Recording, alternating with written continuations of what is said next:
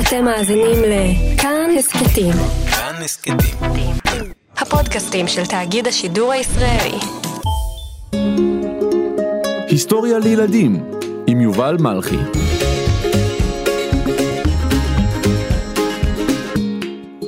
הריאט טאבמן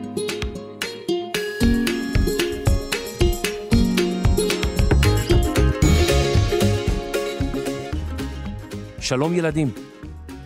להריאט טאבמן היה כינוי מוזר.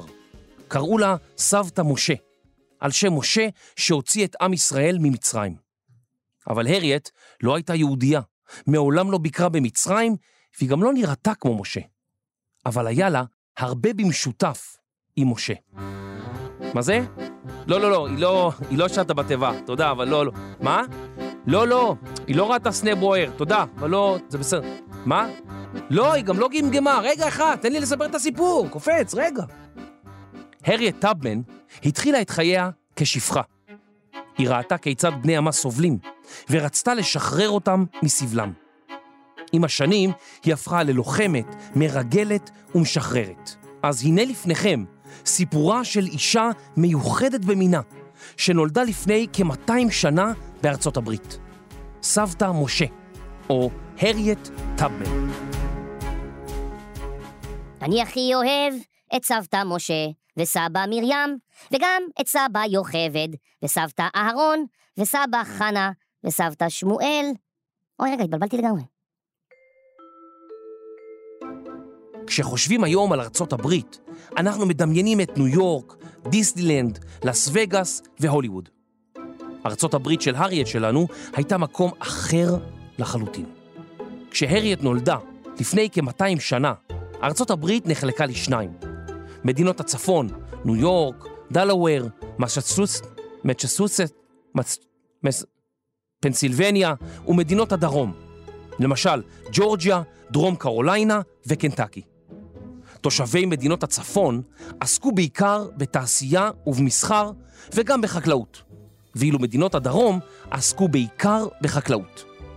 בעוד מדינות הצפון ייצרו בגדים, מוצרי עור וכלי נשק, בדרום גידלו כותנה, סוכר וטבק באמצעות כוח עבודה זול.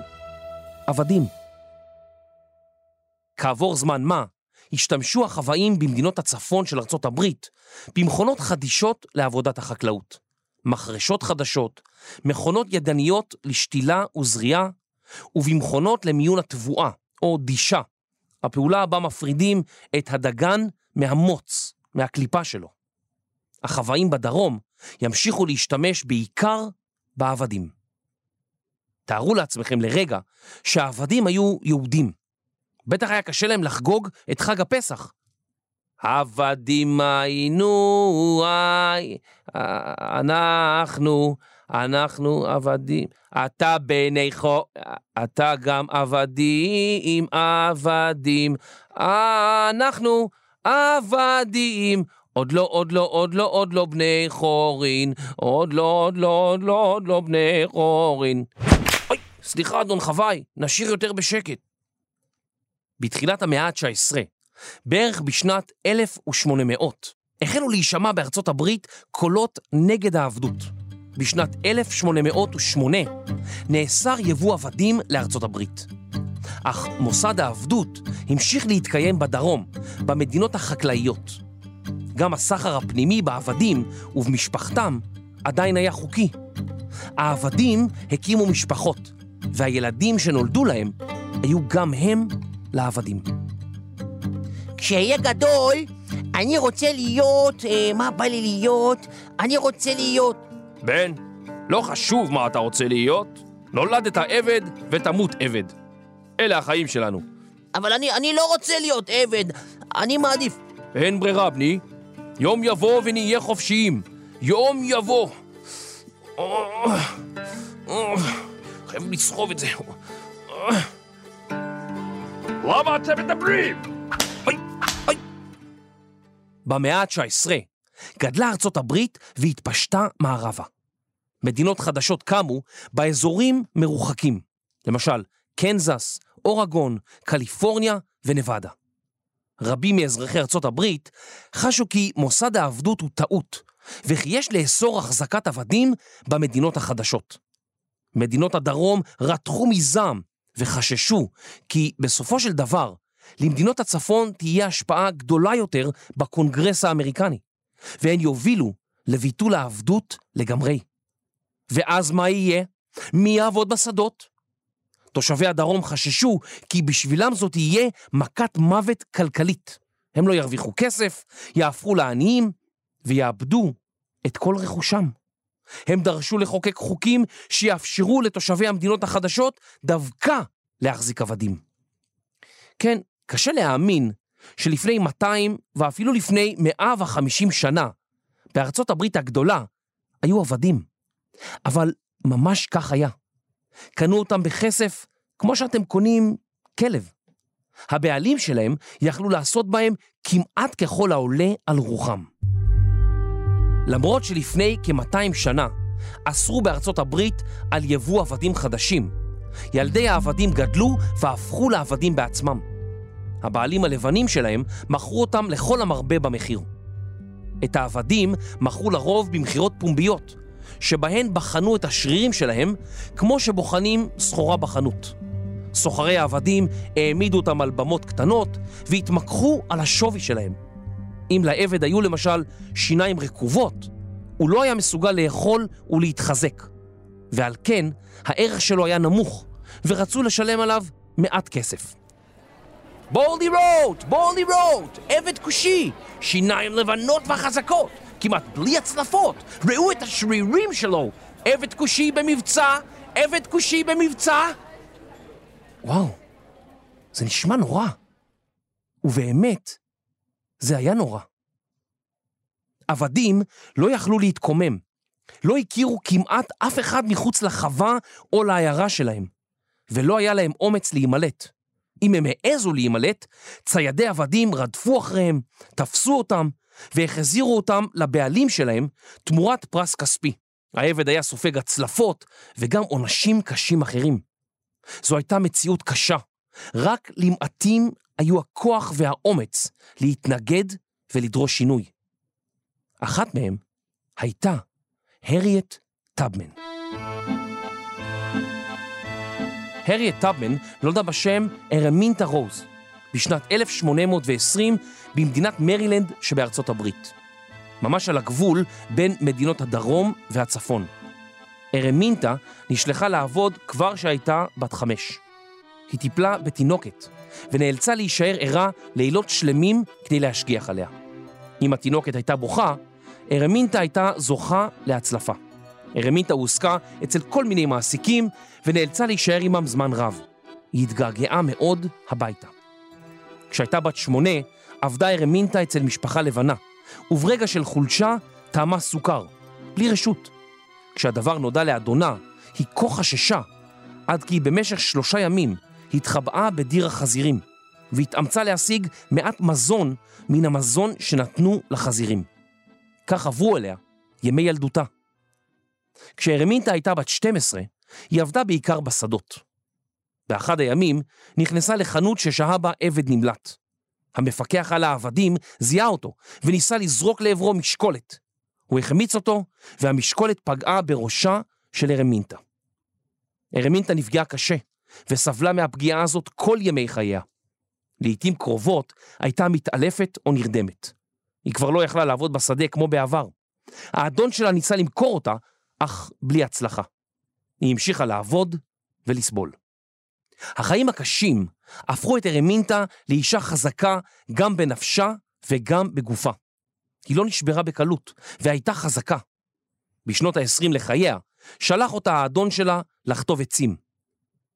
ארמניטה עבדה לצד עבדים ועבדים משוחררים שקנו את חירותם, או שאדונם שחרר אותם. בתקופה ההיא כבר חל השינוי במדינות הצפון. כבר היו בהן חוקים שאסרו את העבדות בשטחן, וכך עבדים שברחו למדינות הללו הפכו לעבדים משוחררים. לארמניטה הייתה תקווה.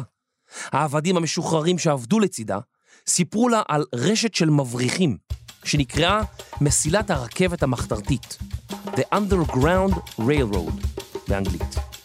המבריחים העבירו עבדים למדינות החופשיות ונהגו להסתיר אותם בכרכרות, בקרונות מסע ובסירות. מבצע בריחה. בואו לכאן, לכו יומיים בדרך הזאת, תגיעו לנהר, עלו לסירה, שוטו עד לבית הראשון. אם תראו נר בחלון ותהיה כביסה תלויה בחוץ, תמשיכו בלי לעצור ותגיעו לחופש. ג'ון טאבמן, אחד העבדים המשוחררים שעבד ליד ארמניטה, התאהב בה, והשניים התחתנו. ארמניטה רצתה יותר מכל להיות גם היא, חופשייה כמו בעלה. ארמניטה חשה שהחופש בהישג ידיה. היא שינתה את שמה להריאט, על שם אמה, אישה שנולדה שפחה ולא האמינה שתזכה לצאת לחופשי.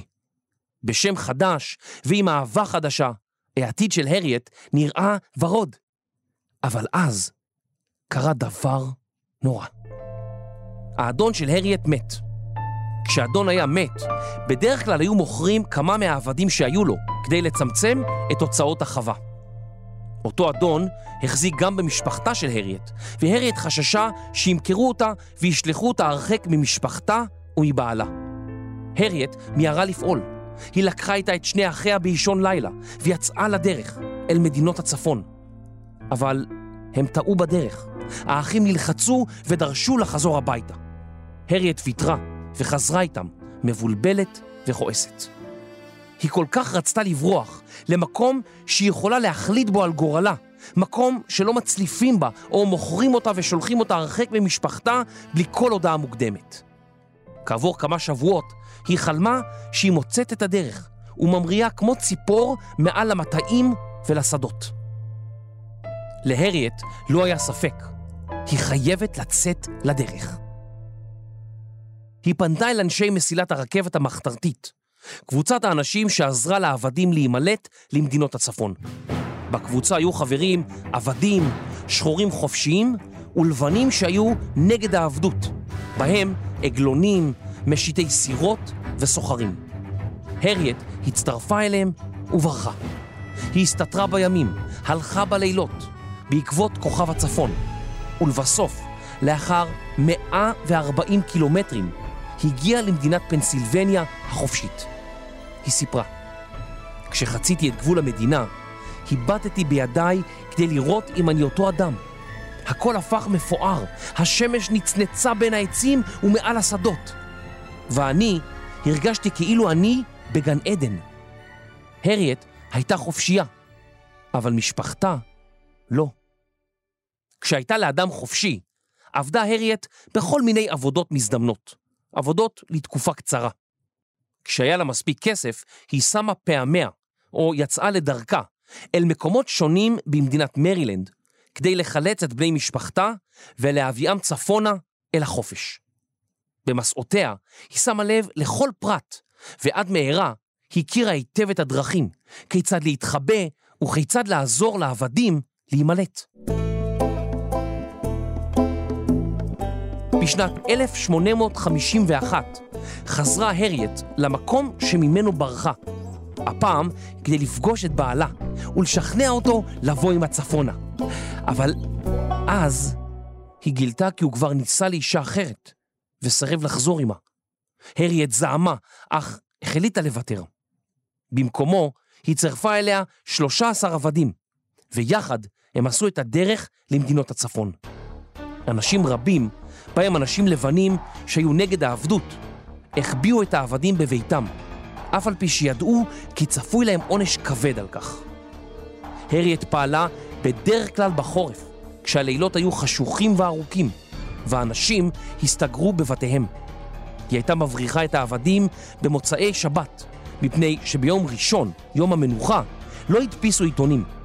ציידי עבדים גילו את בריחת העבדים רק ביום שני בבוקר, ועד אז כבר הספיקו העבדים להתרחק. אחד ממתנגדי העבדות הבולטים, וויליאם גרייסון, כינה את הריאט טאבמן משה, על בסיס הסיפור התנ"כי, שבו משה משחרר מעבדות את היהודים ומוביל אותם לארץ המובטחת. עוד ועוד עבדים שמעו על מבצעי הבריחה הללו. השמועות עשו להם כנפיים והועברו מפה לאוזן באמצעות אנשי קשר, ואפילו בכנסייה שיתפו פעולה. הכומר או המטיף היו משנים מעט את הדרשה כדי לידע את העבדים במבצעי הצלה קרובים. ויהי ביום ד' בחצות, ויעמוד משה בשער החווה, ויבוא משה בחולצה שחורה ובכובע קש במרכבה רתומה לשני חמורים, ויאמר, שלח את עמי. כפי הנראה, סיכנה הריית את עצמה וחזרה למדינות הדרום 19 פעמים. היא עזרה למאות עבדים להשיג את חירותם. בסך הכל עזרו אנשי מסילת הרכבת המחתרתית לכמאה אלף עבדים לברוח ממדינות הדרום ולצאת לחופשי. הריאט טאבמן הייתה הפעילה המפורסמת ביותר בארגון המחתרתי, והיא הייתה אחת מאלפי מתנדבים שסיכנו את חייהם בפעילות הזאת במשך שנים רבות. ואז, בשנת 1861, פרצה מלחמה. בשנת 1861 ביקשו מדינות הדרום של ארצות הברית להתנתק ממדינות הצפון. הדבר הוביל למלחמת אזרחים קשה שנמשכה יותר מארבע שנים. במלחמה מתו כמעט מיליון אנשים. עם פרוץ המלחמה הצטרפה הריאט לצבא הצפון בתפקיד אחות.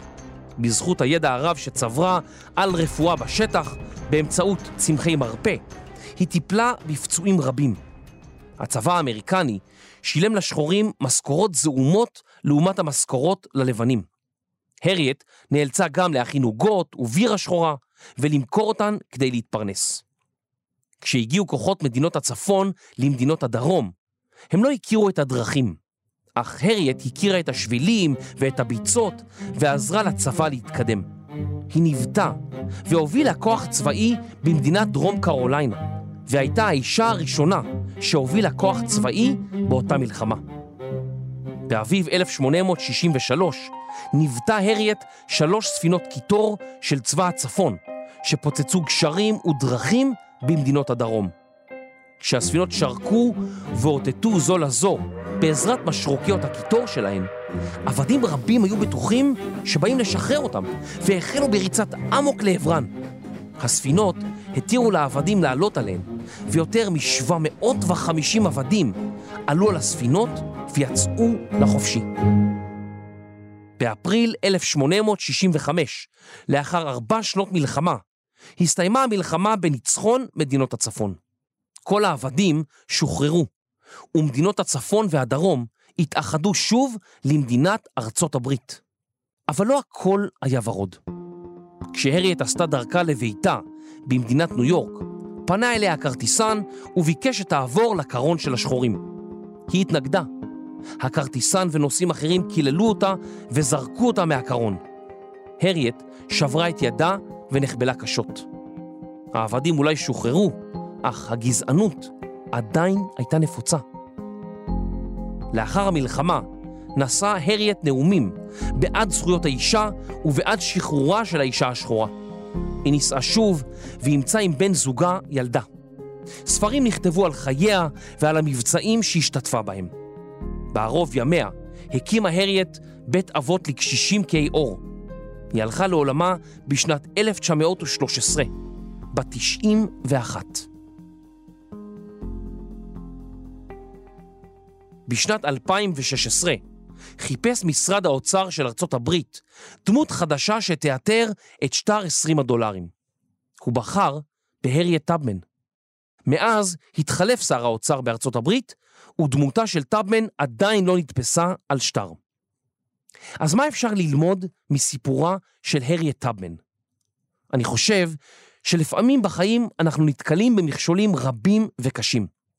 בהתחלה הם נראים לנו בלתי אפשריים, אבל אם אנחנו עקביים, יודעים להקשיב לקול הפנימי שלנו ולא מוותרים, גם אם הדרך קשה מאוד, בסוף מצליחים.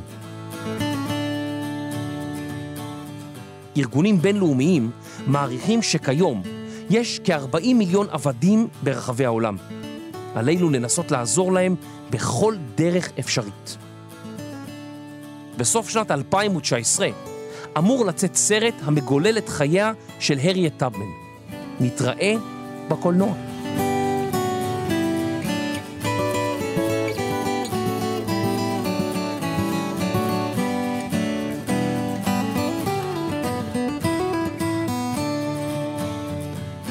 מחקר כתיבה והסתרת עבדים נמלטים, מור די חנני. עריכה, קריינות וזמרה, יובל מלכי. עריכת לשון ודודה משה, דוקטור סמדר כהן. מיקס, אפקטים ונהיגה ברכבת המחתרתית, אסף רפפורט ורחל רפאלי. בימוי וחיילת בצבא הדרום, שיר ויצמן. הפקה ושחרור עבדים, רני שחר ואייל שינדלר. אני יובל מלכי, היסטוריה לילדים.